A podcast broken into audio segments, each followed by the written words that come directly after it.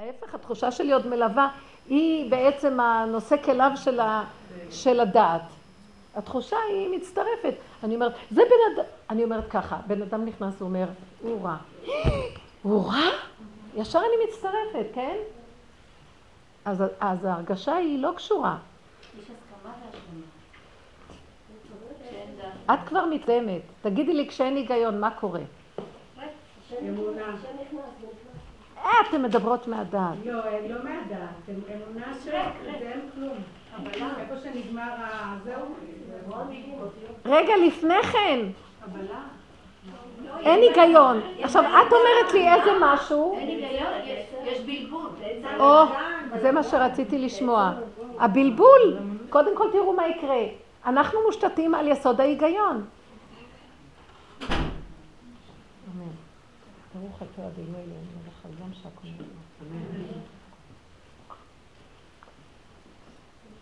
אנחנו מושתתים על יסוד ההיגיון. אז עכשיו, בהיגיון, כשמשהו מסתדר לי, איך אני יושב טוב בזה? וכולו התוכנה הזאת. זה כולו דמיון במילא. אבל יש לי הרגשה מאוד טובה מהדמיון הזה, כי זה הגיוני. ואם אין, אם ההיגיון פתאום נופל, אני מאוד מבוהל, אני מבולבל, אין לי אחיזה, כאילו רועדת לי, הרגליים רועדות לי בנפש הדבר. אה, לא רועד כלום, אבל כל המציאות שלי רועדת. ואז אני אצטרך לעבור מהלך. אם אני אתרגש, ואז הנה קורה בלבול, אז יש לי התרגשות מהבלבול. אני בעד, אני נגד, אני לא יכול לסבול, אני... אני מתחיל להבין. אם, אם אין לי ברירה, אין היגיון, אז בא המהלך שאומרת השלמה. קבלה והשלמה. הקבלה וההשלמה זה המקום של הגילוי של מה שמעבר להיגיון ולדעת. אלוקות מתחילה להתגלות. מה זה אלוקות? המילה הזאת מאוד מבלבלת גם. חושבים שזה איזה חלילה דמות. מה שלא דמיון ודעת, זה אלוקות. אני לא יודעת להגדיר את זה, אנחנו לא יודעים להגדיר מה זה. זה יסוד החיים, זה האמונה, זה החיות שבדבר. מתגלה חיות. עכשיו, יש חיות טובה, יש חיות רעה? אני רוצה לשאול אתכם, יש חיות טובה, יש חיות רעה? לא, יש חיות. באמונה אין דואליות. טוב, תכף נדבר. תכף נדבר, זה בדיוק מה שאנחנו צריכים להגיע. אנחנו נמצאים בעולם התוכנה הזאת, והתוכנה מחולקת לטוב ורע, כמו שאמרתי, ואני, ואני אסכם את דבריי, ואנחנו רוצים להגיע למהלך האחרון, גילוי האלוקות, גילוי החיות של הבריאה. זאת אומרת, כוח החיות שמנהל את הבריאה, שהוא מעבר לדעת, מעבר לתוכנה הזאת המסודרת של עץ הדעת. כי גם לפני שהיה המציאות של שבירת עץ הדת, היה עולמות, היה חיות, היה מצב של חיות. עכשיו, מה אנחנו עושים? אנחנו מנסים להסביר מהו המצב הזה שבו מתגלה אלוקות, שנדע. האלוקות לא יכולה להתגלות עם השבירה של עץ הדת. ברגע שיש שבירה של עץ הדת בכדור הארץ, יש הסתרה. זה לא רק בכדור הארץ. כל העולמות קיבלו הסתרה. מלאכים לא יודעים איפה יש השם. עולם הבריאה, היצירה והעשייה. לא יודעים, מחפשים אותו. עכשיו, בתוכנית של הדעת, כל אחד יכול לדמיין מה הוא. יש כאלה שנתקעו בעולם המלאכים, בעולם הבריאה, ואומרים שזה הוא. ויש בעולם היצירה, שזה רוחות, אומרים שזה הוא. ובעולם העשייה זה השדים, אומרים שזה הוא. ועם ישראל בתורה אומר זה הכל עבודות זרות. מה שנשאר, יש לך את המצוות, תקיים אותם לפי הגדרים והלכה שתיקנו חכמים. אבל אנחנו לא יכולים שלא להתפעל מהרוחות שזורמות ומכל מיני מצבים של כאילו מלאכים, תופסים מלאכים מה שנקרא, בתוך כל המציאות של קיום התורה. ואנחנו לא מקיימים בצורה נקייה, עם דעת תורה נקייה צלולה. מהי הדעת תורה נקייה צלולה? דעת מאוד מאוד מסודרת, בדיוק בגדרים ובכללים של התורה. לא ברחבות של השקפות והבנות והתרגשויות רוחניות ודמיונות ודימויים. זה ממש גדר אפילו שבתורה האמיתית, זאת אומרת, בדעת תורה אמיתי הוא לא קיים. חכמים יש להם דעת מאוד חכמים אמיתיים של התורה. יש להם, הם אכלו, כולנו אכלנו מעץ הדת, ויש להם דעת ברורה ש... מה זאת אומרת? יש להם דעת מעץ הדעת, שעל ידי לימוד התורה היא התבררה מאוד מאוד מהי הדעת המושלמת אחרי התיקון, ניקיון הדעת. אנחנו לא רואים אצל חכמי התורה ריגושים ורוחניות. אני מסתכלת הרבה על ה... אני, אני עוקבת אחר הדמות של הרב אלישיב שהוא הפוסק של הדור. פעם שהיה לי המוסד הייתי נכנסת אליו, הייתה תקופה שהוא קיבל, גם, גם היום הוא מקבל, אבל בימי שישי אחר הצהריים היה מקבל נשים. והרבה שנים הייתי מתבוננת, אני כל הזמן, ואני לפעמים הולכת לצריף, יש שם, איפה שהוא נמצא, יש שם בריתות, וגם אצל הרב שך, אני מתבוננת הוראה, יש משהו מאוד נקי ומבורר מריגוש, מרוח, הכל מאוד קר, פשוט, מדויק באמת. ואמיתי. אני זוכרת שהיה, אה, היה אז הסיפור עם הדיבוק, היה איזה דיבוק לא מזמן, והיה, אה, הלך לרבנים, רב כזה, רב מקובל, לא רוצה להזכיר שמות, ש... והיה רעש ובלבולים ועניינים ורעשו כולם ולא יודעת, אמרו, אה, דיברו על זה בכלי תקשורת וזה. אחר כך שמעתי שהוא הלך לרב אלישיב, לא עזר כלום. שמעתי שהוא הלך לרב אלישיב, והרב אלישיב אמר לו, הסתכל ואמר, אני לא מבין בדיבוקים. אני רוצה להגיד לכם דבר מאוד מעניין, שאני יודעת אותו, שהרב אלישיב הוא מקובל גדול. מאוד, מקובל מאוד גדול. הסבא שלו היה בעל הלשם, שהוא ממנו ינק את כל התורה כל השנים, לא, לא חשוב. אה? לא, לא מדברת על היום, הוא אדם בן מאה ומשהו שנה. זה, לא קשור, גם הגאון היה קשור, גאון מווילנה היה. זה רק, זה חלק מוסתר, אבל שלא תגידו, נו, אז הוא אולי מבין בדיבוקים וזה, הוא אמר, אני לא מבין בדיבוקים. אני לא, מה הוא רוצה להגיד? לא יודעת מה, אני לא יכולה לפרש אותו, כתבי, אבל אין את הריגוש, אין את הדמיון של קשור ברוחניות וכל דבר. זה ככה צריך להיות גם בעבודה שלנו. נקי, רק אנחנו במידות. הם, הם השיגו את זה גדולת הרבה דרך עולם התורה והדת. אנחנו, אין לנו את הגישה להיכנס בתוך אה, הגמרא והדיוק שהפלפול מביא, הוא מנקה את הכל, מנקה, מנקה ומשאיר לך את הדיוק של הנקודה. אנחנו צריכים לעשות את זה בעבודת המידות. בהתבוננות, כמה אנחנו מתרגשים, כמה אנחנו מתבלבלים, כמה אנחנו סוערים, כמה אנחנו מרוגשים, כמה אנחנו בעד זה, נגד זה, אף פעם. תדעו לכם, כל עיקר העבודה, ועכשיו אני מתקדמת צעד קדימה, אני, אני רואה תוצאה, אצל הרב אני רואה תוצאה, נקיות, פשטות שאין כדוגמתה. בכלל אין כאן שום דבר. מהמקום הזה לגילוי האלוקות זה קל, זה הכי קל ופשוט, כי אין עננים של דמיונות שמכסים, או התרחבויות, או רוחניות, לא יודעת מה. יש דיוק מרבי. בעבודה, עכשיו, זה המקום של גילוי השם. הדעת הטבעית נופלת דרך דעת התורה, היא מפילה, ואז מתגלה אלוקות. מה אנחנו?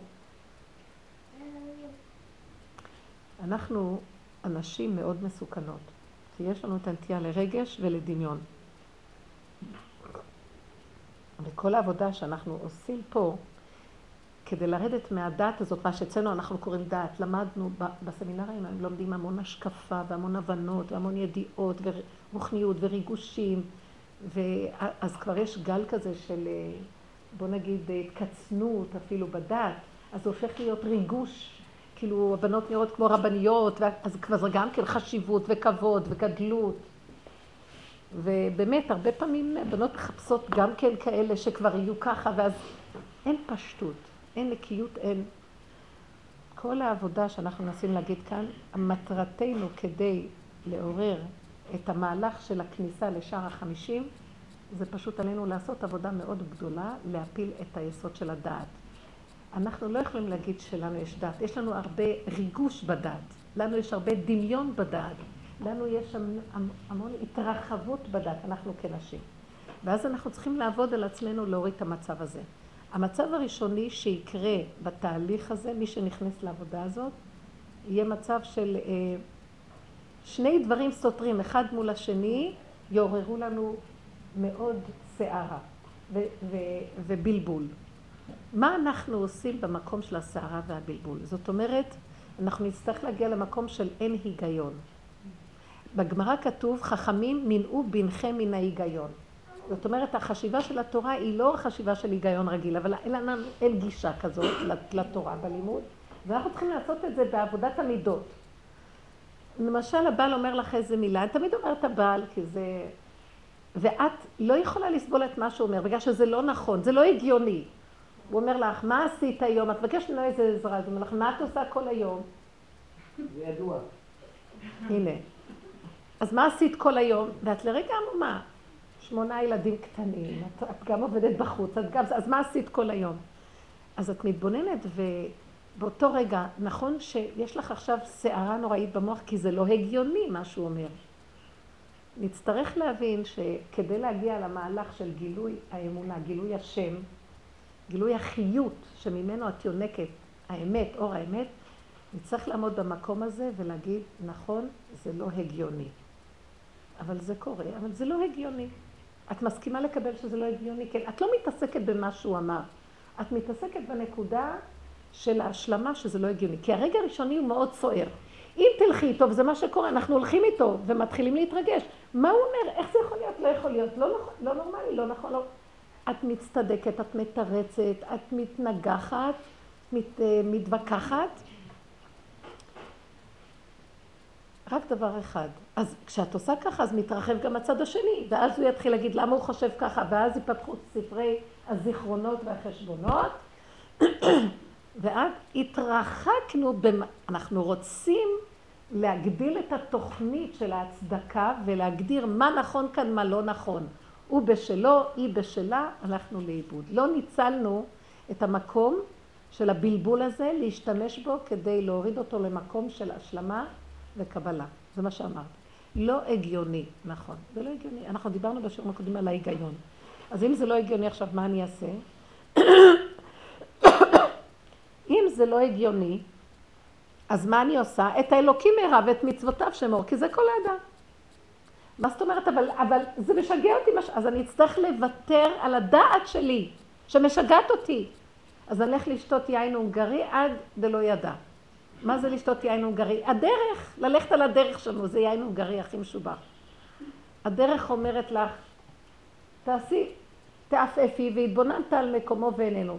סגרי את המוח, תנשמי את הנשימה, תסכימי, אל תתווכחי, אל תתנצחי, אל תיכנסי בזה. את במצב של עד דלא ידע. אבל זה תהליך, כי את לא יכולה, כאן את לוקחת כוסית, זה משפיע. פה את לא יכולה לקחת כוסית, אנחנו לא בעד לשתות שום דבר, באמת. בנות, אני אומרת לכם, כל דבר שאנחנו לוקחים מחוץ לגדר הטבע מפריע לנו בעבודה אמיתית. זה לא מתאים, אנחנו צריכים להת... לנצל את הבלבול לעבודה, לא להפיג אותו על ידי איזה חומר. כל לקיחה של איזה כדורים, של איזה... זה מאבד לך את היכולת של הבחירה, לקחת את הנושא ומתוך הבלבול הזה עצמו להעלות את הנקודה. לא מחוצה לו. לא, אני אלך למדבר ושם אני אעלה, שם כבר לא צריך, אין בלבול. אין לאן לברוח. נכון, לפעמים את לא יכולה לנשום, זה תהליך. אבל דווקא אם את תברחי למשהו, את עוקפת את האפשרות ואת מעריכה את הקץ. זה קשה, תיכנסי בזה, אין לך מה לעשות. אז איך זה להיכנס בזה? את נכנסת, אומרת, אני הולכת להתפוצץ. אם היה לי חרב הייתי הורגת את אותו בר מינן עכשיו. אני, השקר והכזב, איזה עולם מלא שקרים. אני לא רואה שאני העולם גם כן מלא השקרים, אבל אני ישר חושבת שאחרים. אז אני רגע אומרת, אבל רגע, את רוצה להרגות אותי, תראי איך את נראית. את מזיזה את המבט מהאובייקט הזה, שממנו כל הסיבה שהשם שלח, להשתמש בזה כסיבה, לא כדמות אדם, ומתחילה לעבוד עם היסוד שלך. אז את נכנסת לעצמך ואומרת, אבל תסתכלי איך את נראית. מה את כועסת עליו שוב? אל תצדיקי. כי הצדקה זה הדעת, הדעת מצדיקה. אני לא מחפשת דעת עכשיו, אני מחפשת אמת. מה אמת? אחורה, אחורה, אחורה, נכון, נכון, נכון. במציאות שלי אני בדיוק כמוהו. הוא זרק איזה נקודה ואני גועשת. הוא געש קודם, ועכשיו אני גועשת. הוא העביר לי את הגעש שלו אליי. אז למה אני כועסת עליו? קחי את הגעש הזה ותעבירו אותו להשם. זה געש של בורא עולם. זה אנרגיה של בורא עולם. אל תעבירי, זה חיות. זה חיות של אמונה שנפלה פה. אל תתחילי להיכנס. זה כמו פינג פונג. בסדר? עכשיו, מה קורה? נגמר ההיגיון. מה ראינו שיש? נש... אותו נתון נשאר. הוא קרא לך מטומטמת. אותו נתון נשאר. מה עכשיו קרה? הורדת מזה את הדעת, את הפרשנות, את הריגוש, מה נשאר? אז מה זה מטומטמת? מה זה? אם ו... תגידי מטולטלת, תגידי משולשלת, תגידי מבולבלת. קחו את ה... מי אמר? מי אמר שהמילה הזאת, אני נותנת לה כזאת משמעות, ברגע אחד יכולה לשנות אותה, מה יכול להיות? שמתם לב? זה נקרא פורים. זה נקרא פורים, פורים, פורים. תעשי פורים. נכון שזה נקרא פורים? הרבנית, כן. גם המציאות של פורים היא בעצמה אי היגיון. כי אם אתה במצב, ובדרך כלל זה קורה באדם, לי, ועובדה שהשם עומד כל העולם, יש מצב שהדבר האחרון שבא לך זה לשמוח ולרקוד ולחייך, ומצווה עליך לשמוח ולחייך, זה גם אי היגיון, זה בעצמו אי היגיון, איפה אני אהיה לי שמחה לפורים? לא בא לי לשמוח, לפורים ומצווה. מה שאתם אומרים? אז את רואה? עכשיו תראי, תראי, תראי, יופי. הגברים לא יכולים גם כן לשמוח, אז מה הם עושים? שותים כמה שאפשר, ונופלים שדודים, ואז מה או שהם. בוכים או שהם צוחקים. מה יעשו אנשים? אם ירדו מהדת ישמחו. איך? אם נרד מהדת... זה עכשיו, רגע, תקשיבי, היא אומרת שלא רוצה עכשיו לשמוח. אם נראה. לא רוצה, לא יכול. לא יכולה, אז למה את חושבת שאת צריכה... כי הוא מצווה, לא? בגלל שצווים הוא אמר. יש מצווה לשמוח, יש מצווה... עכשיו, המצווה הזאת, על פי הדת, את יכולה? את יכולה. תקשיבו, תבינו את הדבר הזה. היא, היא, היא לוקחת את הדברים על פי דעת. על פי דעת, הנשים לא מחויבות לשתות יין, נכון? לא, אבל היא יכולה. הן גם לא מחויבות להיות בשמחת פורים. לא. אני... לא, רגע, לא. את הגברים מצווים לשמוח. בוא נגיד שמצווים את כולנו לשמוח, אבל הגברים אומרים להם, יש לכם אפשרות לשמוח דרך שתיית, רק דרך שתיית אז תשתו. ולא רק שתשתו, אתם חייבים. אז הנה, הם יכולים עכשיו לשמוח, נכון? אני, לא. האם אני מצווה? אני מצווה לשמוח. איך את מצווה ואסור לך לשתות יין? למה הגברים... תגידי, את מבינה? מכאן את יכולה להבין מא- מאיפה את יכולה לפרק את החוט של הפלונטר הזה. אני מצווה, אני מצווה. עצם זה תעשי מזה צחוק. את לא מבינה מה אני מדברת? את לוקחת את זה ברצינות, אני מצווה. אני אומרת להשם, אני מצווה ולא יכולה לשתות יין, אז אני לא יכולה לשמוח. ישר כשאני אומרת שאני לא יכולה על פי הדעת לשמוח, נהיה לי שאין לי דעת. תקשיבי. לא, אתן לא קולטות את ה... לא, לא קולטת. אין דעת, זה הכל הוא. אתם לא מבינות, הדעת, השם מצווה אותנו ונותן לנו, וחכמים נותנים לנו גדר. תשתו יין. נכון? לא יכול לא. המצווה, המצווה. המצווה, אדם לא מצווה לשמוח, אני יכולה לא לשמוח בפורים, מותר לי? את יכולה לשמוח אם תקשיבי. את צריכה תהליך. כי אנחנו אחוזים בדת, והדת שלך אומרת לך איזה חיים קשים, הילדים מרגיזים, הבעל עושה ככה, זה, יש, יש כל מיני אה, חומרים בגוף שעושים לך כמו דיכאון כזה, עם דרופינים נמוכים, כל המדע היום מדבר על הכל. זה לא את, זה חומרים בגוף. מה אני עכשיו אעשה כדי להיות? את מבינה שאת עכשיו צריכה לעשות דבר, כמו שהחומרים משפיעים עלייך, את יכולה גם להזיז את החומרים ולהשפיע עליו בצורה אחרת. את יכולה? אני אגיד לכם, יש רק דרך אחת שיכולים. מעניין מאוד שמאז שקראתי שזה בגלל האינדרופינים, מאז נראה לי שאני באמת יכולה לסדר את המצב רוח. כי זה רק אינדרופינים. זה נהיה לי קל. תבינו איזה פדיון ואיזה דמיון יש. ב- לא, ברגע שאני יודעת שזה אינדרופינים, אז אני אומרת, זה לא אני, זה האינדרופינים.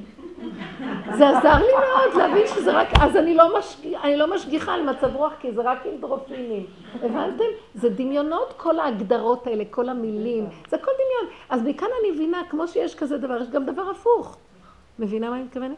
אם הם באים ומגלים לי במו מציאותם, שזה הכל חומרים בגוף, ואין לאדם שום מציאות. אם כן, זה חומרים שמשפיעים.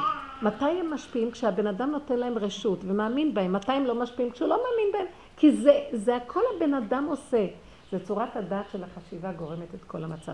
בואי ניקח, אם את מרשה לנו, וננתח קצת, אם את מסכימה, לעמוד מול המצלמה, ולנתח למה את עצובה. את יכולה? כן. למשל. כן, תגידי. אני קיבלתי ביום שישי את המסר החגי, וקיבלתי ביום אה, מוצ"ש את המסר על אה, ולא שאני חושבת שהם אה, מסכנים, לא המשפחה ולא חגית, אני חושבת שהם זכו, שהשם הבין שהם הבינו, כן, וזיכה כן, אותם אה, כן, להמשיך הלאה. כן. ובכל זאת, אני כאילו... אה, לא, לא לא כל השבת הייתה לי זיק כזה, וכל ה... אני אפילו לא יודעת להגיד לך על מה, כאילו, בגלל שאני לא חושבת שהם מסכנים, או הם מסכנים, או... אז למה את מרשה? אז שימי לב, את רואה? אם, אם הייתי, אם לא הייתי יודעת, זה היה לא אחרת. הייתי יודעת, איך הייתה השבת? מאמינה שהייתה עובדת אחרת. נכון שיש לך שבתות שלא ידעת את האירוע הזה, וזו הייתה שבת יותר טובה, הייתה האור היה טוב, נכון? נכון כשבעלך, שסיפרת שהלכתם לבית הכנסת וקיבלתם מחמאות, והוא אמר לך אשת חיל הכל בגללך, איך היית? את רואה ישר הדמיון עלה, וישר זה עשה שהוא וואה, איזה יופי, נכון? שהוא לא בא הפעם, אז היה קשה, ו- אבל אה, אני רק שבאמת, כשאני בבית כנסת ומתפללת, וזוכה לזה, זה המקום היחידי שאני יכולה לשמוח. אז עכשיו תבינו, אתם מבינים שזה הדעת שלה עושה לה את זה? לא נכון. היא אומרת שבבית ה... רגע, מי אמר לא נכון? מי אמר? אני, אני, אה, זה את אמרת על עצמך, היא אמרה לעצמה, חרצה את דינה. תקשיבי, את שמה לב, את מחליטה שבבית הכנסת זה המקום היחידי ששמח לך. לא, רגע, חכי. כמו שזה, עכשיו תביני, כמו שם שזה... אני ריקה, אני שם לא חושבת. שם אז למה את...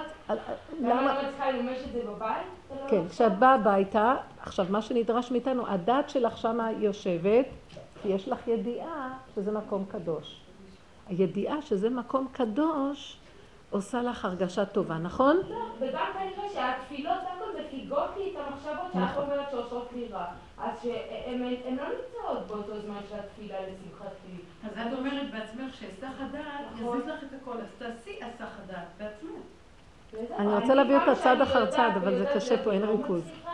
אבל אני רוצה שזה לא בסדר מצידי. אם אני אשכח לרגע, שכך קרה וכך קרה וכך קרה. אז יש לך יצר, יש לך מחשבה בדעת, יש לך איזה שד בדעת, שהוא יושב שם ואומר לך, תהיי עצובה, תהיי כאובה, תהיי שבורה. עכשיו, נכון שיש לנו... שאני אהנה ממשהו עכשיו? שאת תהני, מה זה פה? אפשר? עכשיו תגידי דבר אחד. עכשיו אני רוצה להגיד לך דבר אחד. אם ילד שאין לו דעת, בוא נגיד אחד אוטיסט נכנס לבית הכנסת, הוא יודע שזה מקום קדוש? אולי הוא מרגיש, אני לא יודעת. יש קדושה בבית הכנסת. אולי הוא מרגיש מה שקרה עם חגית, אולי הוא מרגיש מה שקרה, אבל באיזשהו מקום הדעת, הוא יודע את הנתון, ויש איזה רגע שיודעים את הנתון של כאב ועצמות. רגע אחד של איזה צער. בואו נסתכל, הצער הזה. אם אני לא מתרחבת איתו ונותנת לו להשפיע עליי, אני מעלה אותו לשורשו בתורה, וזה מה שהחכמים עושים. כשיש כזאת ידיעה, הם אומרים, ברוך דיין האמת. כשיש דבר טוב, הם אומרים, ברוך הטוב והמיטיב. אחרי רגע, הם חוזרים לנשימה וצוללים לתוך הלימוד. אנחנו כנשים, אין לנו את הלימוד, אז מה אנחנו עושות? לוקחות את הדבר הזה ומתרחבות. אני אומרת, ברוך דיין האמת, ואני לא אומרת את זה באמת, אני אומרת, אבל ליבי בא למי, כי אם הוא דיין האמת, אז הוא יודע מה אמת פה, מה נכון פה, מה לא נכון, מה כן. אני כבן אדם מתרחב, כואב לי, כואב לי, אני, מאוד כאובה. אבל אני עכשיו בעבודה שלנו, אני רוצה להיכנס למקום, למה לא יש תורה? הוא צולל לשם, לכן בתשעה באב אסור ללמוד תורה, כי היא כל כך משמחת את הלב. לא, היא משמחת, היא מפיגה, היא נכנסת, עוז וחדווה במקומו, מלא כל העולם כבודו. אני נכנס למקום שאני לא יכול, אני לא יכול, הגברים, אני מקנאה בהם. נותנים להם מצווה, אומרים להם תשתה יין ותהיה שמח. למה? אומרים לי תהיי שמחה ואל תשתי יין. אני בגלות הרבה יותר מהם. אז אני רוצה להגיד ככה, אני לא רוצה יותר להיות בגלות. למה הם כן יש להם תורה ולי אין, ואני מצווה? אז אני אמצא לי דרך איך לצאת מזה. אני כעם ישראל הפשוט, בתוך עמי אנוכי יושבת, איך אמרה השונמית?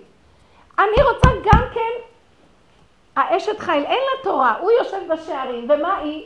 אז היא נכנסת בתוך הנפש ואומרת, אם יש מצווה שאומרת ברוך דיין האמת שאני אתכוון בכל הלב, הוא חי וקיים, הדמיון לא ירחיב אותי, כי הדת הזאת של עץ הדת היא מסוכנת, נתנו לה גדרים תורה, לי אין את זה, אז אני כל היום נמצאת בסכנה איומה של התרחבות בלי סוף, וריגושים בלי סוף, ואני מביאה על עצמי כאבים, ייסורים, והם מיותרים, ונהיים חולים, ואחר כך, חס ושלום בר מינן על שונאי ישראל, מתים מזה מרוב כאבים, מי יודע אלה שבכל המחלות. אנחנו צריכים להתבונן ולראות. אני צריכה להגיד ברוך דיין האמת, אני אמרתי לו, ריבונו שלום, אני כל המציאות של העבודה הזאת, אני עובדת לסגור את המוח, לסגור את הרגש ולהיות גולם. להיות גולם, גולם לא מבין, לא יודע, לא כלום. הוא מנסה להביא לי ניסיונות, לרגש אותי, זה בורא עולם שולח סיבות, כמו ידיעה על חגית, כמו ידיעה מה שקרה, כמו כל היום דברים שמרגיזים פה שם, ואני כל היום צריכה לעמוד על המשמר ולחיות את הסכנה, לא לתת לעצמי להתרחב בשום צורה. נהיה לי לב של אבן. ואני אומרת לו, לב של אבן זה טוב. רק כשיש לי לב של אבן לעולם, אני יכולה להכיל בורא עולם. כי אם אני כל הזמן יש לי לב בשר לעולם, יש לי לב אבן לבורא עולם. אני רוצה לחיות בורא עולם. מה זה בורא עולם? חיות של אמת. ואז אני רואה. כשאני הולכת, אני ככה רואה. כשהלכתי לבקר את חגית, עליה שלום, ביום שני, הלכתי לבקר אותה בבית חולים. השם ממש נתן לי איזו נקודה חזקה, תלכי לבקר. די, זה סוף. כשנכנסתי לשם, נכנסתי עם עוד מישהי, זה היה מזעזע לראות. מזעזע, הצורה שלה זה כבר לא היה צלם של אנוש. לא היה. ואני הסתכלתי ואמרתי, ריבונו של עולם, היית התמוטטה ממש, הלכה, לא יכולה, אני, אני הסתכלתי, ניגשתי קרוב, ליטפתי אותה, ואמרתי, ריבונו של עולם, מה אני צריכה ללמוד מזה? מה אתה רוצה ממני בזה? אני לא מכילה את זה, אני לא יכולה להכיל את זה, לא יכולה. יש כאן מסר בקור רוח. כי זה מזעזע לראות את זה. אה, ואז באה לי מחשבה חזקה. את רואה אותה בגוף? היא סופנית. את רוצה להבין מה המסר פה? תביני. את צריכה לחיות בנפש סופנית. כל הזמן תהיי בסוף. את, רוצה, את לא רוצה בגוף ככה, נכון? חבל. הגוף הזה זה, זה, זה כל העיקר. בעצם אם אין גוף אין כלום. אז בנפש תחי כל הזמן שאת בסוף. מה זה כל הזמן את בסוף? אין לך כלום. אדם שחי בעולם, או שהוא התחלת העולם, או שהוא מרכז העולם, או שהוא... אז יש לו. ואז אם יש לו, סליחה שאני אגיד לך, לך יש עולם, אז יש לך כאב מהעולם. הוא אומר לי, אין עולם. תחי בסוף כאילו אין עולם. נכון, סוף העולם? אין עולם. את רואה ככה? ראית לרגע אחד, יש לך כאב? תחזירי את זה אליי. אני בורא עולם, ולך אין עולם. אני האחראי על העולם. את לא יודעת פה כלום מה קורה, את לא מבינה שום דבר. נדמה לך שאת מבינה. אם תביני, יהיה לך כאבים. כי הבנה זה הרחבות. עוד לבנה, עוד לבנה, עוד לבנה, בניין. אני לא יודעת. לא יכולה לעמוד בזה. נכנסתי מיד לקצה שלי. מה הקצה שלי? אני לא יכולה לעמוד בזה. לא יכולה. אני חלשה, אני, אין לי כוח, אני לא בן אדם, אני תולעת, לא יכולה. אז אם את לא יכולה, אז תשאירי לי את העולם. אני לא יכולה והמוח שלי מתרחב. למה, למה, למה? אני לא יכולה, והרגע שלי מתפוצץ. הייתה שם אחת שפשוט היא הלכה והתחילה לחרף ולגדף. ככה היא עשתה בחיים שלה, וזה מה שמגיע לה, וככה זה, אני לא מבינה אותך, בורא עולם, כל מיני דברים. אני לא רוצה להגיע לכלום. אני סגרתי את המוח ואמרתי, המסר שקיבלתי, תהיי, כל הזמן תחי בסוף. היא בגוף, את תיקחי את זה בנפש. לא מבינה, לא יודעת, לא הגיוני, לא הגיוני, כזאת צדקת, כזאת מיוחדת, כזאת נשמה, חמישה ילדים קטנים, אי אפשר להבין את זה. שכל כך רצתה לחיות, אי אפשר להבין. אז אם כן, אני לא עומדת בזה. וזה היה חזק, כך הלכתי גם להלוויה. אני לא מבינה, לא יודעת. אז עמדתי שם, שאמרו קדיש, אז אמרתי, הלכתי ובאתי, ואני אגיד לכם את האמת, היו שם בנות, והיו נשים וזה, ובכו והתייפחו ודיברו, ואני ידעתי, השם ריחם עליי, אמרו שזה יתחיל בשתיים וחצי, וזה התחיל כנראה בשתיים, אני שמעתי שתיים וחצי. הגעתי, כבר הם היו בתהליך, אז אני הגעתי אחרי, וכשזה נגמר, מיהרתי לפני כולם לברוח. לא היה לי כוח לדבר, מה היה ואיך היה, והריגושים, וההתרגשות, לא יכולתי, אני אומרת לכם מול המצלמה, אני לא יכולה לעמוד בכלום. אני מוסרת לו את העולם, אני יכולה לנשום כמו ילד קטן שרוצה להתענג על שדי אמו. ולא יודע יותר כלום, כי זה גדול עליי לדעת. אני לא מכילה את הסבל, אני לא מכילה את הלמה וכמה. ככה וזהו. וכשמשהו בתוך המציאות של החיים לא טעים לי, לא נעים לי, אני אומרת לו, לא טעים לי, לא נעים לי, אני רוצה שיהיה לי טעים ונעים, אין לי כוח. לא עומדת בכלום. אני מרגישה, במצב הזה זה טוב, זה כמו גרעין קטן, שילד קטן הוא צריך את שלו וייתן לו, וכשאני טיפה מתרחבת, ההיגיון, לא אבל, אבל, אבל, הוא מונע אותי מהמקום הטוב הזה, אז אני מהר סוגרת את ההיגיון. לא יודעת, לא מבינה. לתינוק, לילד קטן יש היגיון? אין לו. אם ההיגיון שלי יסתדר מיד ודבר ילך, טוב. בסדר, זה שפת הטבע. אם לא ילך, לא להתבלבל, לא יודעת, לא מבינה. אני יכולה להגיד, אני יכולה להבין מה הלך פה? לא מבינה. אז אמרת דבר יפה, אני רוצה להגיד אותו. כן. אני הייתי איתך, והיא אמרה כזה דבר שנכנסנו לבית קברות, היא אמרה צריך להרפות. היא החליפה גוף, היא הגיעה למקום הרבה יותר טוב. אנחנו מרפים, לא נרפה ממנה, נרפה מהכאב. זהו. זה היה משהו יפה, וסגר את המוח, סגרנו את זה, והמשכנו הלאה. כן. כי לא, אי אפשר להכיל. ממש הרגשתי, רגע, מה, את נאחזת? איפה היא עכשיו? מישהי אמרה לי רטוב לה, קר לה שם, היה גשם זלפות. לא, לא, אפילו לא דיברתי, אין מה לדבר. תשתקי, תסגרי את המוח, תניחי לבורא עולם, תרפי, כלום לא שלנו. היא בעצם חיה. הדעת של עץ הדת, התוכנה שלי אומרת לי מתה, היא חיה, הגוף שלה שם, והיא ברובד אחר עכשיו. גמרנו. זה תוכנית שלא, אני לא מבינה אותה. אני אקח את זה מדי, מיכל. אה, איך קוראים לה? מעיין. אני אקח את זה מדי למציאות, אני מפסידה עוד כמה ימים של, של התנקזות לתוך החיות של השם, שהוא מחפש, איפה יש לו בית, דירה פה, לשכון? מתי הוא רוצה את הדירה לשכון? בהלוויה, בביקור. בדבר הכי הפוך על הפוך הוא רוצה. הרב אלחונן וסרמן צעד לתוך תאי הגזים, בהכרה מלאה שהוא הולך לתאי הגזים. והוא אמר לכל החברים שצעדו איתו, הוא היה תלמיד של החפץ חיים, הוא אמר, תדעו לכם, הוא זכר הלכה. מה הוא זכר? שימו לב מה זה מוח של גדולי תורה. אני אומרת לכם, אין, אין דבר בעולם יותר מזה. כל מה שאתם יכולים לעשות בחיים, לעודד את הגברים ללמוד תורה, הרבה צרות ייפסקו לכם. תשלחו אותם לתורה. הגברים לא עושים שום עבודות. תורה, תורה ותורה. אני אומרת לכם, אין, אין שום דבר. אם, אם הם הולכים לכיוון הזה, אז הוא אמר להם ככה, אנחנו עכשיו הולכים להקריב קורבן.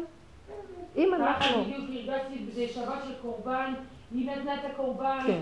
והם היו הקורבן, ככה הרגשתי שזה קורבן. גם את קורבן כל רגע. אני יש קורבן. קורבנות שונו- שונים. יש כל- קורבן עולה, יש קורבן אה, אשם ודאי ותלוי, אני יודעת מה יש.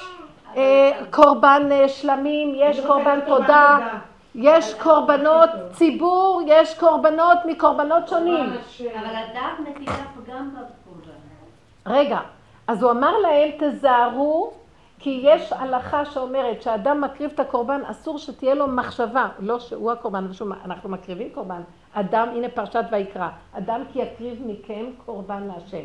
תקריבו קורבן, אבל הוא אומר מכם, כאילו, אז אסור שתהיה לו מחשבת פסול, הכוונה איזה מחשבה של טענה, מענה, או איזה תרעומת, או איזה קושייה ואיזה הווה מינה. נקי, נקי, כלום. במקום הזה הוא אומר להם, אל תפסלו את הקורבן, אנחנו במילא קורבן, בואו נפסל. פשטות. זה כאילו את לוקחת את הבגד והם צעדו ככה לתוך התאים, בשנייה אחת נגמר הכל, נעלם. זה, זה קל לדבר. כל אלה שהלכו, מה? תודה, זה לא שיישאר. מה יישאר? אלה שנשארים פה כל רגע, ואנחנו סוגרים את המוח ולא נכנסים בקושיות של המוח הזה, כי אין לנו את הגמרא, אין לנו, אנחנו לא יכולות, אין לנו. אז אנחנו לא נכנסים בהא דקפשא דרחמנא, כמו שאומרים, אנחנו לא מבינים מה ההנהגה שלו, בנסתרות אין לך עסק, אז הולכים עם קטן, סוגרים את המחשבה, נסגר הרגש, והולכים עם הנתון הפשוט, בלי פרשנות. לא יודעת ככה או ככה, אצלך אז אני לא יודעת. אני כבר לא יודעת כלום, והוא יביא אותנו לכאלה מאורעות. מאורע אחר מאורע, כמו צירי לחץ אחד אחרי השני, שנפסיק להקשות כי לא יהיה כאן מקום לקושייה. כלום. אנחנו פשוט נצטרך ללכת כמו איזה גולם, שכך וכך הנתון, רק דבר אחד נדאג. בתוך זה שיהיה לנו מתוק וטעים. תינוק. ויאמר לו תודה אחרי זה. מה אנחנו עושים? מה זה ככה ולמה זה לא... ואני עכשיו עצוב ואני כאוב, וזה נכון. זה עוד נראה לנו אדם מעולה. על פי, ה- תראי, היא נראית אדם מעולה. אני אגיד לכם את האמת, אני רוצה להגיד לך משהו, שאם היית לוקחת את כל המהלך הזה, מצמצמת אותו ומעלה אותו להשם, אומרת לו, לי אין יותר לב. רק אתה יודע הכל, הוא היה מתגלה במקום הלב שלך. אנחנו לא נותנים לו להיכנס, אנחנו הלב המרגיש בעצמו, וככה זה נראה. אין לנו כוח לשאת את המהלך של הרגש הזה. אז אנחנו שבורים וכאובים, ואז זה מתראה על פני הימים שלנו. טוב, את אומרת שחיפשת אה, משהו, מה אני אמורה להבין מזה. אז אני קצת יותר קטנה ממך, ואני לא מצליחה להבין מה אני אמורה להבין מזה. אז תסגרי את המוח. לסגור את המוח אני גם לא מצליחה. נשמה כן. יקרה, אני לא מצליחה כן. לסגור את המוח. אולי זה המקום נכון, היחידי שאני- לא עושה נכון, פשוט לא מצליחה, לא- לא בדרך. אני רוצה להגיד לך, את רוצה שאני אגיד לך משהו? את מפונקת. נכון. את לא רוצה לעבוד נכון. אל תגידי אני לא מצליחה. תיאבקי כמו משוגעת, לצעוק ולצעוק ולצעוק ולצעוק להשם. אני לא מוכנה לסבול. את רוצה לסבול. שמעת? מיכלי, יא מעיין, אני לא יודעת איך. מעיין שלך, מעניין למה אני קוראת לך מיכל, אולי במקום מעיין תהיי מיכל בסוף, יותר טוב. את שומעת? את לא תלכי עם הרגש הזה, ואת, את הרגש תקריבי, זה שקר, והוא לא נותן לך לחיות נכון. את רואה את השטן הזה שיושב שם עכשיו, היא מחפשת רשות לשמוח. כל פעם שהוא בא לך עם טיפת עצבות, תרוצי אחריו עם מקל ותתני לו על הראש. אני לא רוצה להיות עצובה, אני רוצה פורים כל השנה. פורים כל השנה. פורים, אם נהיה פורים כל השנה זה הגאולה. מה, במה זה תלוי? אני לא יכולה לשנות עובדות, אני יכולה לא לפרש אותן כמו הטבע. ולא רוצה להיות קשורה לכלום. כל טיפה שעושה לי טיפת כאב, אני לא יכולה לסבול. אם בעלי טיפה יעשה לי איזה כאב, מה שהדמיון שלי עושה כאב, כי זה מוסיף דעת, מוסיף מכאוב. הדעת עושה כאב. אני טיפה, יש לי כאב מישהו הכי קרוב אל האדם הכי קרוב. ילד, בעל. לא מכירה אותו, מה לי ולא. לא מעניין אותי. זה לא שלי, זה של בורא עולם. הכוס רותחת, תחזיק אותה ותכאבי, תרפי. לא שלי, לא יכולה להכיל. אנחנו לא יודעים להיות על הסוף שלנו, על הקצה, ולהגיד לא יכול. וזה הגדלות של עץ הדעת, החיוביות הגדולה, אני כן, אני יכול, אני אעשה, אני... לא, אני, אין לך לב, אני צדיקה, אני, אני רשאית, אין לי לב. אז אתה שם הצדיק, אני מוכנה להיות רשאית בשביל שאתה תהיה הצדיק. כי אם אני צדיקה, אז איפה אתה? אין עוד מלבדו, לא יהיה מי שיעמוד לידו בזמן שהוא יתגלה, ונשגב השם לבדו, לא יהיה צדיק ולא יהיה שום בן צדיק. יהיה השם, ואם הוא ירצה, הוא יגיד אתה צדיק. לא אני אחשוב שאני צדיקה, ולא אני אעשה פעולות, כלום. אני כל הזמן אחזור ואתחבר לנפש שלי בנאמנות גדולה. ומשם אני אעביר אליו את החיים. לא יכולה. זה עבודת הנשים. שמעתם? זה השכינה שירדה בגלות, וזה תורה שבעל פה שאנחנו צריכות לגאול אותה מתוך המידות. הגברים גואלים אותה דרך לימוד התורה. אני צריכה דרך מידות. אני לא מוכנה. סעדי במרומים, ריבונו שלם תרחם עליי, שהדיבור שלך יצא מפה. אני לא מוכנה, ואני אומרת קבל עם ועדה, אני לא מוכנה לסבול אפילו לא כאו זה. אני לא מוכנה, גם אם אני, גם, כל רגע אנחנו קורבן שלך, זה אתה מנהל את הקורבן הזה. זה לא קשור אליי כלום. אז אני לא יודעת שאני קורבן, אז אני לא סובלת. אני לא מסוגלת לסבול. אתם מבינות את הדבר הזה? אני לא, אני חוזרת ואומרת, אני לא מסוגלת לסבול ואל תנסה אותי בשום ניסיון שבעולם. מעתה ועד עולם, הכרזה שצריכים לחזור אליה כל רגל, כל רגע. מתיקות של ערבות תיתן לי כגמול עלי אמו, כגמול על נפשי. אני לא מוכנה להתמודד עם שום סבל שבעולם. לא הם ולא שכרם. אני לא באתי לעולם לסבול, ואני לא באתי לעולם לשאת את העולם עליי, ואני לא באתי להיות צדיקה, ולא באתי להיות גדולה. באתי להיות יהודי קטן שהוא צינור שלך, שאתה תתגלה דרכו ותעשה מה שאתה רוצה בעולם. ואם אתה מצווה עליי לקיים תורה ומצוות, אז אני עושה כי אתה מצווה ואותי לא מעניין יותר כלום. ולא רוצה להיות גדולה בהם וצדיקה בהם ומרוגשת בהם וחשובה בהם ולא כלום, והראית לי מספיק כמה שזה סבל מביא לי, אני לא רוצה. וכמה אתה בגלות, גם אני סובלת וגם אתה בגלות. הסבל שלי זה, זה הגלות שלך. לא מוכנה יותר, תתגלה במתיקות וערבות, מתוך משתה וטוב לבב.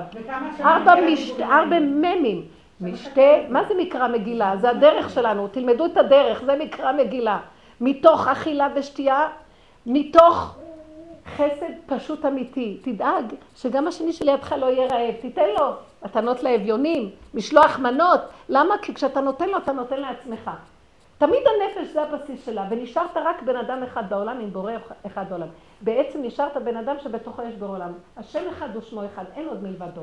נתת לשני משלוח מנות, אין שני בכלל, אתה נתת לעצמך, למי? לשכינה שבתוכך. האני הזה, זה השכינה שבתוכך נתת לה.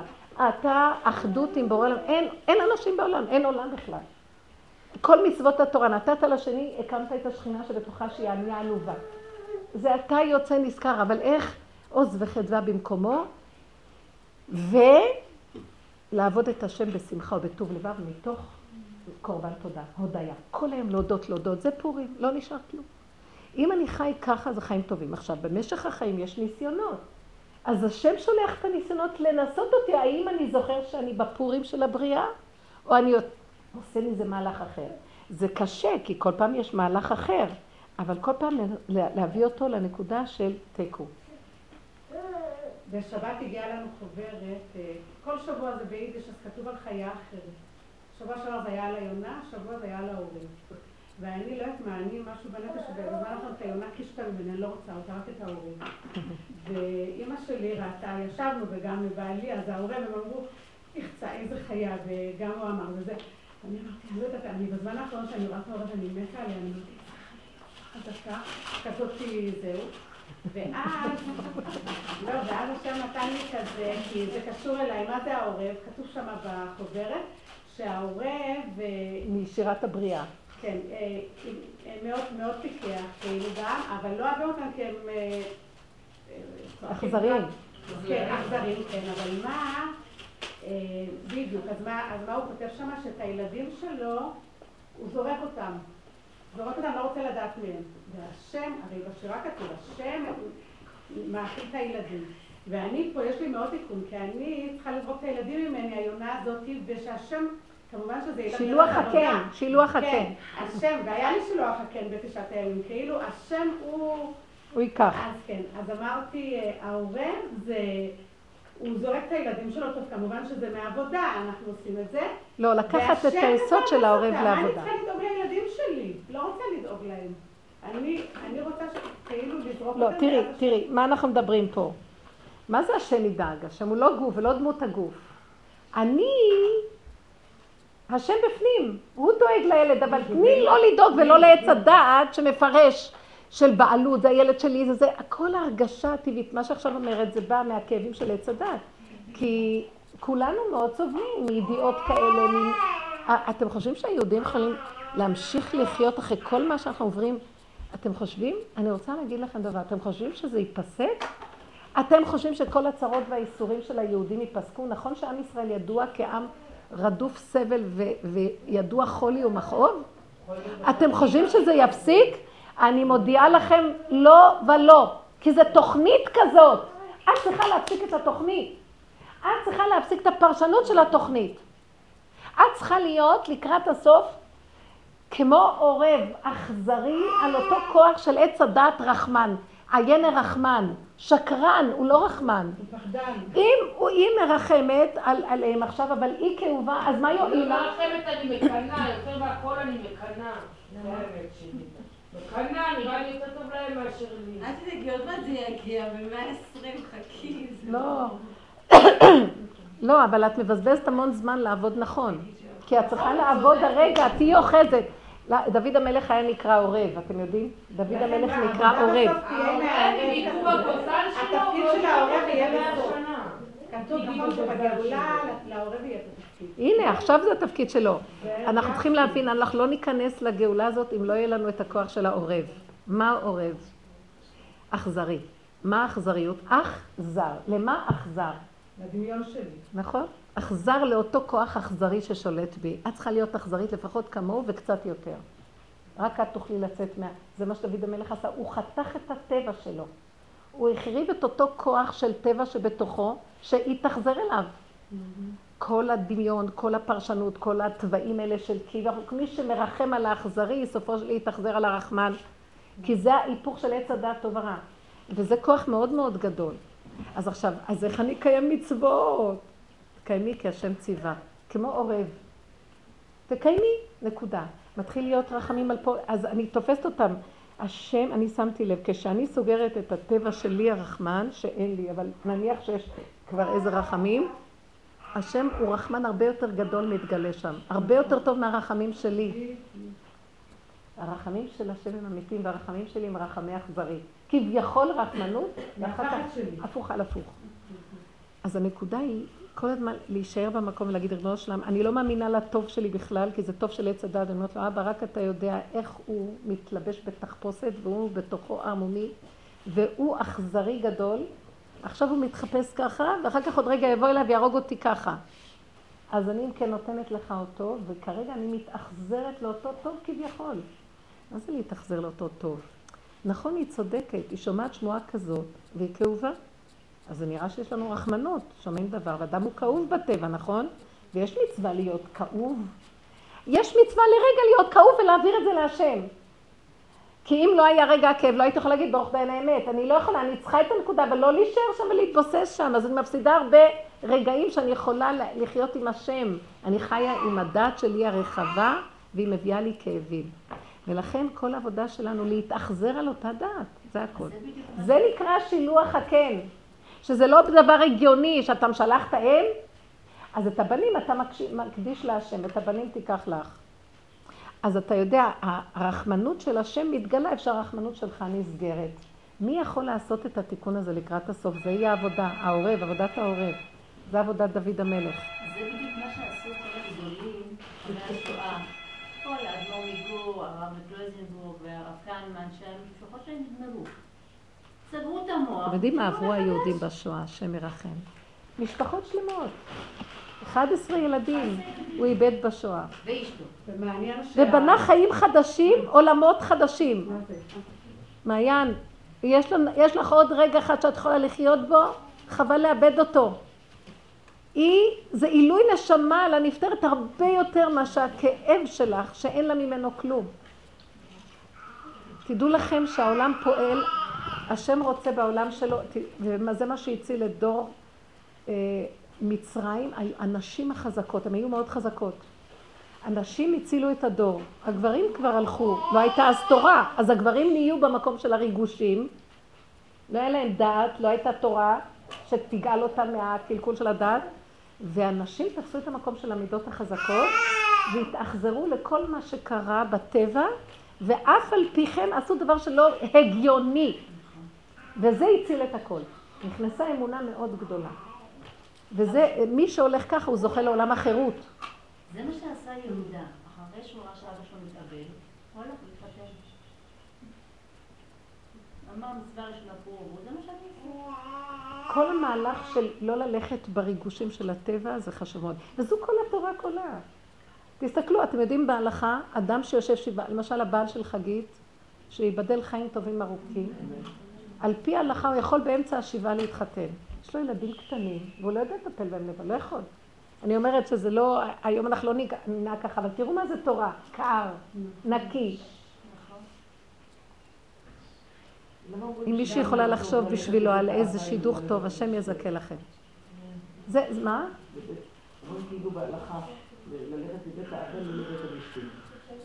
טוב ללכת לבית האבל מה שלבית המשפט. אומר את זה קהלת, למה? כי בית המשתה מתרחבים ברחבות של החיוב, זה יותר מסוכן. כן. בשלילה יותר אדם הוא רואה את האמת. גם מעניין, העדל לא ידע בין המן לברוך סתם, יונה זה בגימטריה טוב, זה בורא עולם. ועורר זה גם בגימטריה טוב. נכון. אז זה מה שאני רוצה להגיד, במקום הזה שאין היגיון, שם מופיע בורא עולם. כי הוא גם כולל את זה וגם את זה, והוא גם זה וגם זה, והוא לא זה ולא זה, ובעץ הדת לא יכול להיות כזה דבר, או זה או זה. את יכולה שני דברים בבת אחת? את יכולה לעשות גם מצוות, גם עבירה באותו רגע? לא יכולה, חס שלום, לא יכולה. לא אז כשאת יורדת מההיגיון מתגלה בורא עולם, שהוא מכיל את כל ההפכים, גם נגד וגם בעד וגם הכל ביחד. מה, של, מה שכן ומה שלא ומה שביניהם ומה שלא ומה שכן ומה שלא ביניהם. כלום, הכל מתאחד ברגע אחד, זה בורא עולם, חי וקיים. נו, הדת לא יכולה להכיל את זה, אז אנחנו רוצים גילוי השם, צריכים לסגור את הדת, כי זה לא מכיל את זה. כי ההיגיון ישר מסדר את הדברים. אני גם אומרת... זה צריך, אה, צריך לב מאוד חזק לקראת הגאולה. ומה זה לב? לב אבן. כי אם לא, את לא תחזיקי פה מעמד. תהיי חזקה, אם לא, אנשים נופלים, מקבלים כדורים, דמיונות, ריגושים, שקר וכזב. ועד שאת אמרת ככה, צריכה להיות מאוד חזקה עם עצמך, לא להתפנק. רבו שרה אומר לי, לך לצעוק את כל הדמיונות ואת כל ההבלים, עלה השם בתרועה. עלה אלוקים בתרועה השם בקול שופר. זה השופר שיוצא בוקע מהגוד, כל התסכולים, כל הכאבים, כל הפחדים, כל החרדות שהמוח יחצה לבן אדם, צריכים ללכת מדי פעם לפרק את זה, שכל העצמות יצאו מרוב צעקה. אה, להוציא את זה? להוציא את זה, כן. ונהיה שקט, כמו שאחרי תקיעת שופר, כל הקטרוגים עולים. השטן בורח, הוא לא יכול לסבול את התקיעה של השופר. הצעקה של הבן אדם זה כמו תקיעת שופר. הוא צריך למצוא מקום לא מיושב, שגם לא יפריעו לו להשתחרר עם מציאותו. לקראת הסוף אנשים כבר לא יהיה אכפת להם אנשים ויצעקו ברחובות, ככה ראש אמר.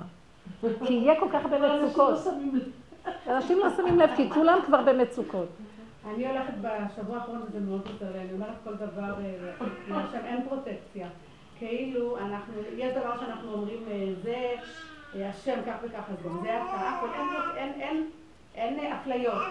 אין אפליות. אז אני הולכת, הכל איתו, הכל זהו, ושם אם זהו, אז בכלל מה, אין, אין כלום.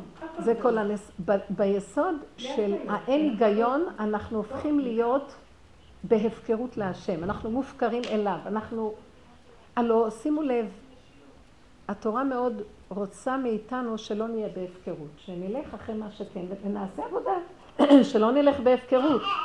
מה שאני לא עושה, אני תמיד רואה את היסוד. אנחנו עבדים. אנחנו עבדים. ובושר אמר, זה כתוב בגמרא, עבדה בהפקר אני חלה, נוח לעבדים בהפקרות. עכשיו, התורה אמרה לנו, אתם לא תהיו עבדים של העולם, אתם תהיו עבדים שלי. לי בני ישראל עבדים עבדי הם. וברגע שאתה רוצה להיות עבד של אדם, אתה בעצם בא תורה ועשתה אותך אפשרות להיות עבד של השם, אתה נהיה עבד של בן אדם, אין הדעת כן. אתה כבר, כבר במחשבה הזאת, אה, כי, כי תקנה עבד עברי. עוד לא קנית, הוא כבר נקרא עבד. כי, כי אתה... עכשיו, אז מה, מה אנחנו שומעים מכאן? שכולם עבדים. אתם מבינים? הבן אדם נועד להיות עבד, מופקר. רק לפחות תהיה מופקר להשם. מופקר לתורה, מופקר להשם. תעבוד עם הקו. אנחנו לא, לא יכולים להיכנס בלימוד, אנחנו יכולים להיכנס ב, ב, במצוות בדרך המידות. ואז אני רואה, אני תמיד נשארת בפגם ואני מופקרת להשם. תבינו את הנקודה הזאת. מה זה שאני אמרתי כאן והכרזתי, אני לא יכולה כלום. אני לא יכולה כלום, אפילו... סליחה, זה מפריע. בסדר, יש כאן... אני לא יכולה לא להיות מופקרת.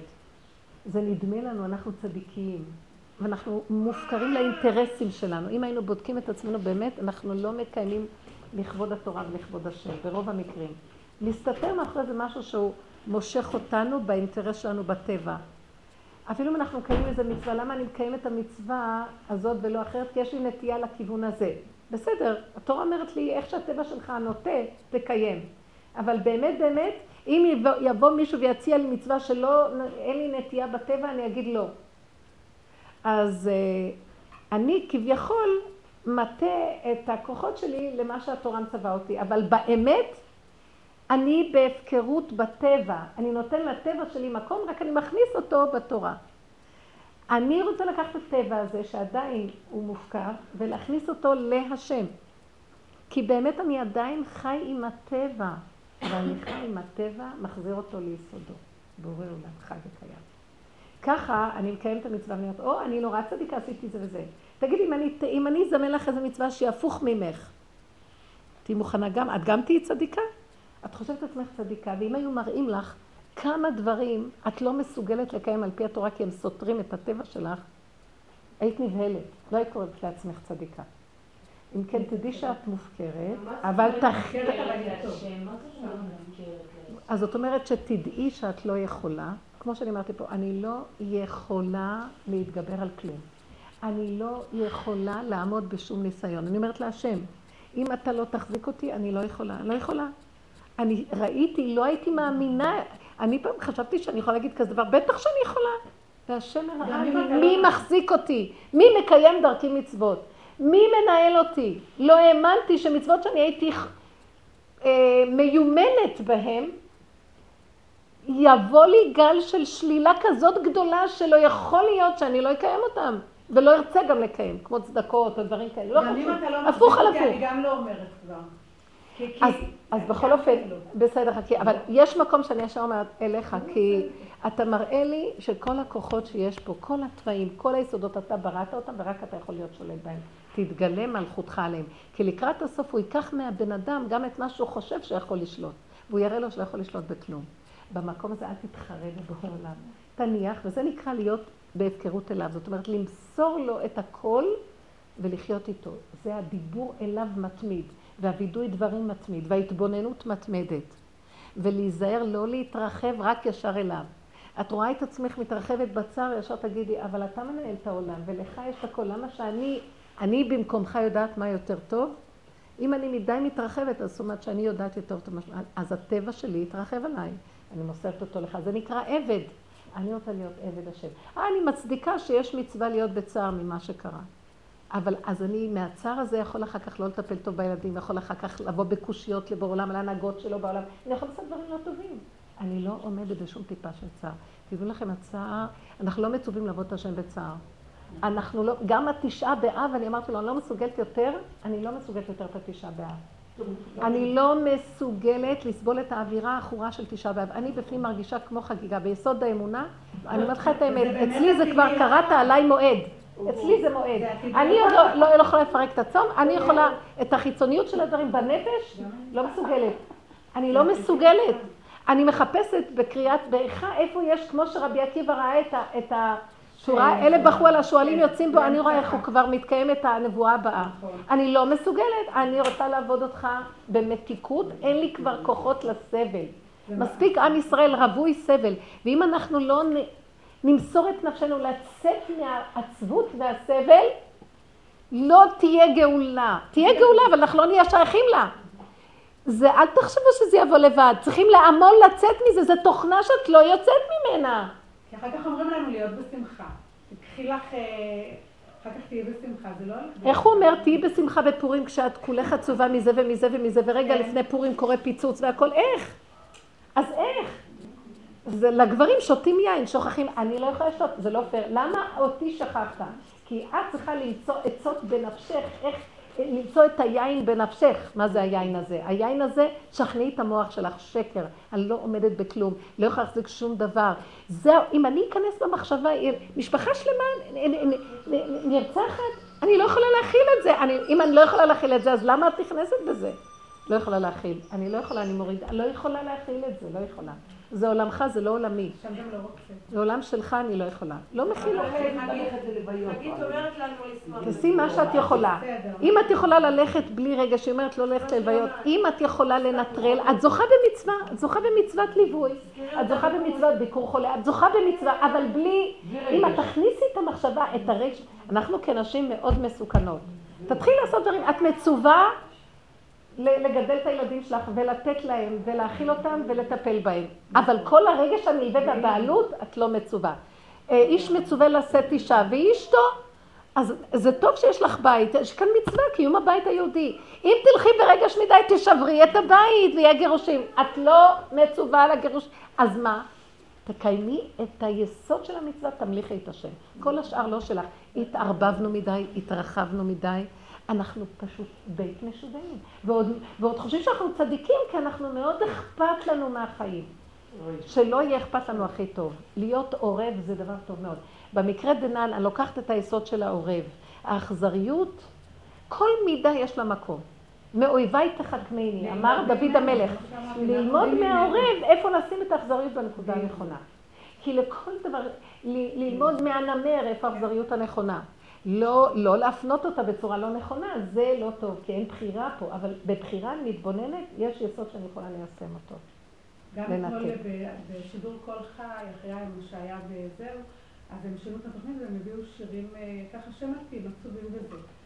אז זה השיר הראשון שהיה, אז הרגשתי באמת להתחבר לזה, ואני, איך אומרים, את הכאב, התפללתי בשיר הזה וזה, ושיר אחרי סגרתי והלכתי לפתוח את הדיסק של פורים שקניתי עד אלוהי, גם כל השירים האלה.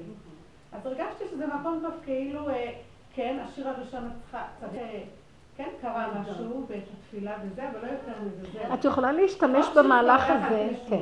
יש מהלך, כל אחד והתכונות שלו. את יכולה להשתמש בכאב הזה, כשהוא קיים, זה, זה, זה סיבה מהשם להתחיל לפתוח איתו דין ודברים. אה, נו, אה, איך אומרים, אה, דם עד מתי הם שרו? כאילו עד מתי? שהשם ינקום דם עבדיו השפוך. זאת אומרת, עד מתי? אז כשאני שואלת אותו עד מתי, אז הוא אומר לי, עד מתי? אתה, אני שומעת אותו מדבר אליי בחזרה, עד מתי? את ההד חוזר לי. אז אני שואלת אותו עד מתי? אז הוא אומר לי, אז, אז אני אומרת לו, השיבנו השם אליך ונשובה. אז הוא אומר לי, לא, שובה אליי, שובו אליי ואשובה אליכם, תתחילו אתם. מה אתה רוצה שאני אתחיל? עד אלוהי ידע פתחתי. בדיוק. מה, את רוצה, את, את רוצה, מה, את רוצה לצאת מהמקום הזה? אל תבוא אליי. זאת אומרת, אני מתחילה לדבר איתו, הוא נותן לי. מה אני שומעת ממני? את תתחילי לצאת מהמקום הזה. אתה יודע מה, ריבונו של עולם? אם זו הנהגה בעולם שלך, אני לא מבינה אותך כלום, אני לא כלום. אני לא יכולה להבין, לא יכולה... אז תסגרי את המוח. אז לכי עכשיו במקום שאת לא מבינה. איך זה נראה? אדם קטן, ילד קטן, שלא מבין שום דבר. רק מצדיק את ההנהגה של בור עולם. עכשיו, היה לי רגע שלא יכולתי להצדיק, אמרתי לו, איך, ילדים קטנים, אז מה נולדה התינוקת הזאת בת ארבעה חודשים? אם אחרי ארבעה חודשים רוצחים אותה. מה יש כאן? מילא אנשים גדולים כבר חיו קצת, מה יש? אז למה הבאת תינוקת בת ארבעה חודשים לעולם? שישחטו אותה? אז אני מתחילה לדבר איתו. אז עד מתי? לפעמים אני, אני מגיעה למקומות כל כך כאבים, אני אומרת לו, עד מתי השם אתה ישן? כאילו הוא רוצה לומר לי, את תלכי עם, עם ההיגיון, לא כדאי לך. אז אני מרשה לעצמי ללכת קצת עם ההיגיון בשביל לשאת תפילה, בשביל לבוא בהתמקחות. אבל אחרי איזה נקודה הוא אומר לי, את, זה בך תלוי, לא בי. אני, עד כל. ההנהגות שקורות כאן, לא זה לא, בכלל לא קשור לבורא העולם. זה קשור אלינו. כן. קשה להגיד את זה. אני מבטיחה לכם שזה זה סיבת תוצאה של המצב של העולם עכשיו. כאילו באיזשהו מקום אנחנו... מזמנים את זה לעצמנו. איך? מזמנים את זה לעצמנו. אנחנו מזמנים לעצמנו מצבים, זאת אומרת, יש איזו נגע שהגלות הזאת מזמנת לנו, ואם אנחנו לא נעשה ככה, זה, זה לא ייפסק. זה ייפסק, יש זמן שזה ייפסק, אבל כאילו אנחנו נהיה באמצע השוונג של המעגל ולא נבין משהו אחר. לא יהיה לנו הבנה, אה, משהו חדש יופיע ולא נכיר אותו, לא נדע איך להתייחס אליו. כן, על העניין הזה שאמרת? שמה? של לעשות את הדבר הזה, והרבי אומר שפשוט בפרסת, מבחינת עניין של שמחה, מעבר לטעם ודעת, זהו, יפה. פשוט עניין של שמחה פורצת גבולות. זה כאילו, לא... להכריח את עצמנו, אין לך כאן ברירה. להכריח את עצמך, לא להבין, לא לדעת, אין היגיון להמליך אותך מלכות שלמה, וכמו תינוק שלא יודע כלום להיות בשמחה. עם פשטות הדברים איך שהם. אין לזה. כן, אבל בכל זאת... אנחנו מזמנים, כי ברגע שהיא, תשמעי, בואי ניקח את מעיין. ברגע שמעיין עצובה וכאובה, מה היא זימנה לה את היומיים האלה עכשיו? היא זימנה עכשיו את המצב הזה, היא נתנה הרחבה של הנקודה. יש רגע אחד של נקודה, מיד לעלות אליו, מופקר אליך. יש לי מחשבות, יש לי זה אליך. הכאבים, הכל בדיבורים, התנגחות, נקודה, טוען וניתן, עורך דין מול בורא עולם, חוצפה כלפי שמיא. עכשיו תורידי את המוח, לכי לישון, לכי לעשות דברים פשוטים. לא יכולה, אל תתרחבי. נניח זה נמשך לך, אז תתני צעקה. תילחמי עם זה, אבל להביא את זה לידי פירוק. עד שזה נשאר כלום, אני לא יודעת שום דבר. אבל בכל זאת, אירוע כזה, אומר רב אושר, שהוא מביא צער, האירועים האלה, אתה צריך להגיע למקום שזה הצער של שכינה, נכון? כן. לא אבל- אז איך. אתה מגיע לזה? תקשיבי, ברגע שאת, הנה זה בדיוק הנקודה, ברגע שאת בצער, היא בצער. עכשיו, את ממשיכה את הצער, גם היא ממשיכה את הצער. הכנסת אותה לצער, היא נמצאת עכשיו בצער השכינה, איך שהיא מדברת, איך שהיא נראית, זה צער גלות השכינה. נכון, השכינה כאובה על מה שקרה לבניה, הש- השכינה ובניה קשורים. עכשיו, רגע? איך אני עכשיו אוציא אותה מהגלות? כן. אני צריכה להוציא את עצמי מהגלות. אז הוא אומר לי, אני אומרת לו, שיבנו השם אליך ונשו, הוא אומר, שובו אליי, אתם תוציאו אותי מהגלות. אתם לא, אני לא יכול להוציא, אני אוציא אתכם מהגלות, אבל אתם מפסידים את יסוד הבחירה. אתם תוציאו אותי מהגלות. איך? באותו רגע אין מוח, אין דעת, אין היגיון, אין הבנה, אין כלום. יש אבא זה אתה, לא, לא יודעת כלום. אני יודעת שכרגע אני נושמת, אחרון שיכבה את האור בעולם. זה אני, אז מה אני אעשה עכשיו? אני אחיה עד שאני צריך לכבות את האור. אז למה הוא אומר ללכת ליערות ולצעוק להשם, תגאל את עצמך? אז הנה, זה לגאול את עצמך. זה נקרא לגאול את עצמך. איך הוא יגאל את עצמו? תגאלי את אותו. יכלתי להמשיך לשמוע תשמעי, תתקדמי קצת בעבודה. הוא היה לפני 50 שנה, וככה פירשנו את זה. היום אנחנו צריכים כבר להבין, תגאל את עצמך, תעשי את הפעולה של הנקודה. לא נשאר כלום. הוא עוד צעק, תגאל את עצמך, כי אנחנו חשבנו כל הזמן זה אנחנו, אז הוא הראה לנו זה הוא.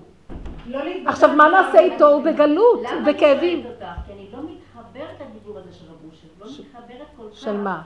של אומר, תצאו לשדות עכשיו ותצעקו, תגאל את עצמך.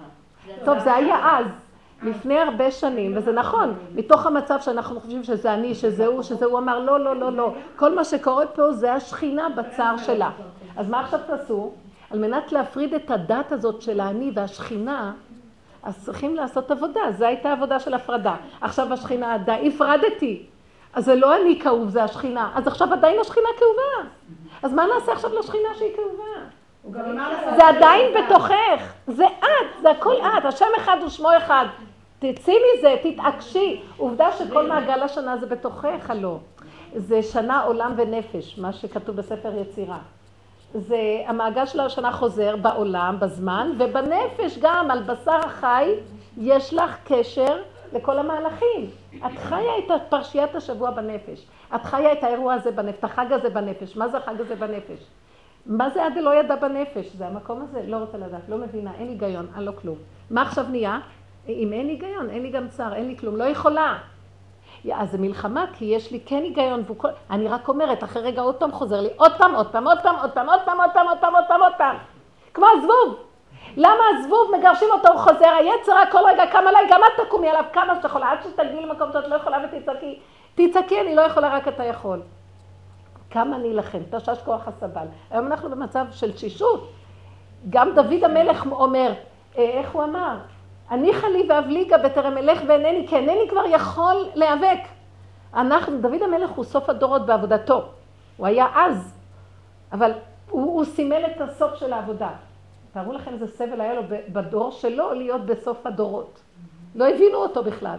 אנחנו היום בסוף הדורות, וגם כן לא מבינים. תקועים כאלה, לא רוצים להיגאל. לא, לא יהיה כאן, אני אומרת לכם, אתם יודעים, יגאלו קומץ אנשים. מה זה יגאלו? הגאולה תבוא, אבל מי? השבת תבוא, אבל אם אנחנו לא מוכנים לשבת, מה יהיה? איך שאומר, וצרפתים כצרוף הכסף. כל הצירופים האלה כדי להגיע להכרה, די, ביטול, הכנעה, תעשה מה שאתה רוצה, זה עולמך. אני לא מבין את ההנהגה שלך. לא יכול, אל תנס... אל תנסה אותי. אל תנסה אותי. אל תנסה אותי, אני אתלוש לך את הזקן. אני יודעת שזה היצר הרע, לכן אני מרשה להגיד לעצמי לתלוש לו. היצר בא לנסות אותי. השם שולח אותו ברגע אחד להביא לי עכירות, כאב, כי הוא השתבח שמו עוז וחדווה במקומו. אז מאיפה בא לי עצבות? לא ממנו. זה מתלבש דרך השליח שנקרא יצר הרע, ואז אני אומרת, אה, זה השם שלח אותו, הוא לא בא לבד. מי זה אחמדינג'אד? השם שלח אותו, מי זה זה? זה השם שלח אותו. מה? הוא רוצה לנסות אותי עכשיו. אם אני אתרחב בזה, אז אני אגיד, או אני אכנס לעבוד ואני אגיד לה, לא עומדת. לא עומדת. לא עומדת. ולעשות פעולה הפוכה.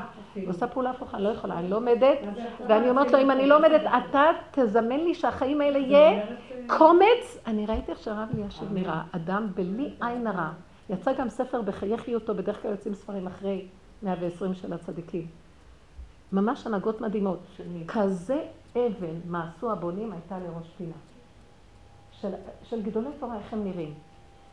עוצמה בין מאה, איך הוא מחזיק את הכוס קידוש, לא רק בלי עין הרע, אני רוצה להגיד, שהוא עושה בריתות וזה בצריף שם בבוקר. אני מתבוננת, אני רואה איזה עוצמה, אין, אין מקום לכך דמיון ורגש. להישחט, אין, אין כלום, לא יודע, לא מבין, נקודה, זה, מה מה הנקודה שלום, מה, מה כל זה? תראו איך אנחנו נראים. איך אנחנו מתרחבים, מתפלשים, פלישתים בפלשת הזה של ההתרגשויות, של ההבנות, של הרגושים, של הדוגיות, של האימהות, של החברות. מה זה כל זה? בשביל מה? למי זה מועיל? אני מקנאה, ככה אנחנו צריכים ללכת. חגרה בעוז מותניה ותאמץ זרועותיה. גן נעול אחותי כלה, גן נעול מעיין, חתום. שמעת? זהו זה. מי, על מי אנחנו מרחמים? אין, אין לי רחמים, לך יש, אתה בעל הרחמים. תעשי פעולה הפוכה, דווקא תלכי לרקוד עשר דקות. לא, אז תדברי, היא אומרת...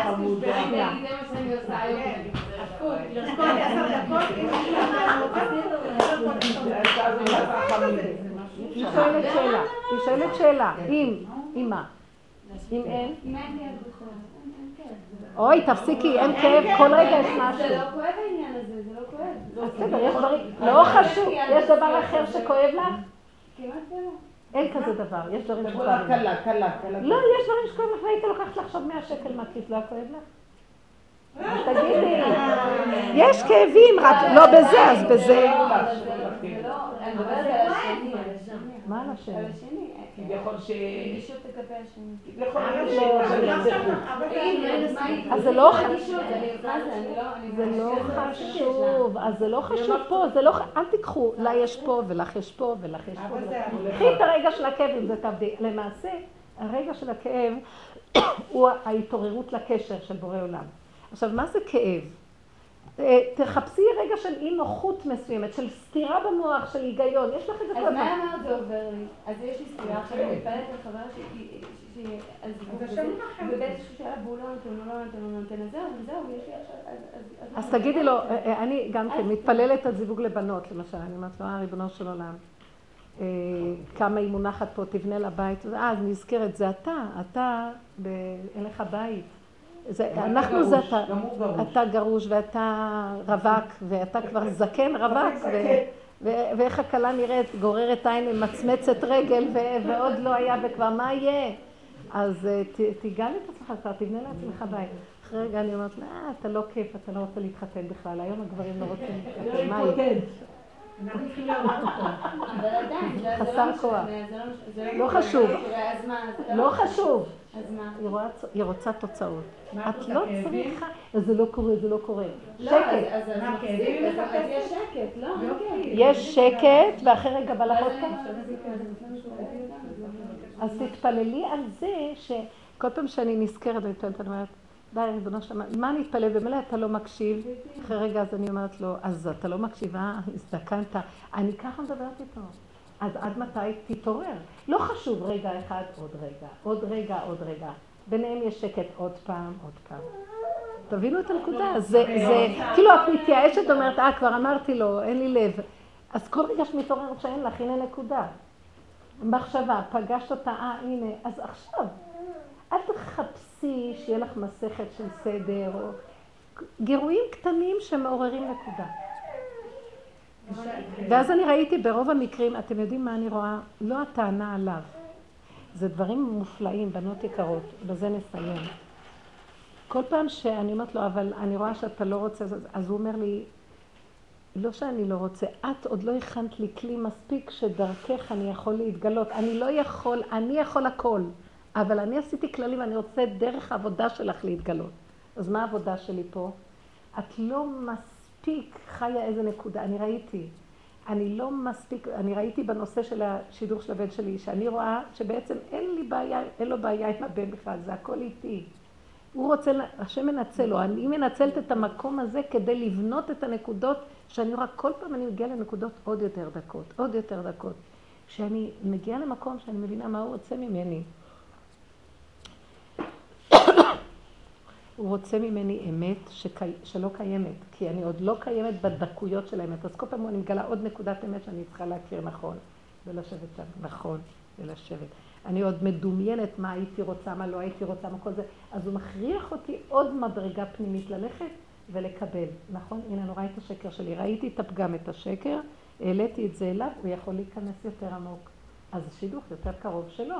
הוא מתג... שלי, של כולנו. השידוכים קרובים יותר כשאת צריכים לעבוד בדקות, להתבונן, להתבונן, להתבונן בנפש. אם נהיה מרוכזים ולא נאבד את הזמן בכאבים, ברחבות, אז זה ילך לעומק של ההתבוננות. לדיוק של המוח בתוך היסודות, מבינה? אז תתחילי לראות, אין שום בעיה, הבעיה היא רק בנו. כל היום אני רק רואה את זה. כל האירועים, כל המצבים קשורים אלינו. ראיתי בתשעה באב הקודם. ההנהגה שלנו היום במדינה היא הנהגה מאוד קשה, מופקרת. גם בתשעה באב, בתשעה באב הקודם. ראיתי שהוא רוצה שאני לא אסכים בתשעה באב. כן. מה היה? הייתי צריכה ללכת לאיכה, פתאום תפס אותי הגב, לא יכלתי ללכת, הגעתי למיטה. ואז איכה, איכה לא, ופתאום השם הביא לי חזק מחשבה, והתחלתי תשעה באב בלילה, אני לא יודעת, אני אומרת את זה פה, אבל זה היה נקודה פנימית. הוא נתן לי את השיר עבדו את השם בשמחה, חצי שעה, ושרתי את זה, ושרתי את זה עם... כל הלב. עם זהו שאתה כבר, אתה כבר רוצה שאנחנו כבר לא נסכים לתשעה באב. את לא שומעת ציבור, בדיוק. עד מתי תשעה באב? טוב, זה יתחיל מהנשים, הגאולה תתחיל מהנשים, כי זה יהיה דיבורים קשים פה, אה? מה, לא פשוט, מפרקים את ה... תודה רבה לכם.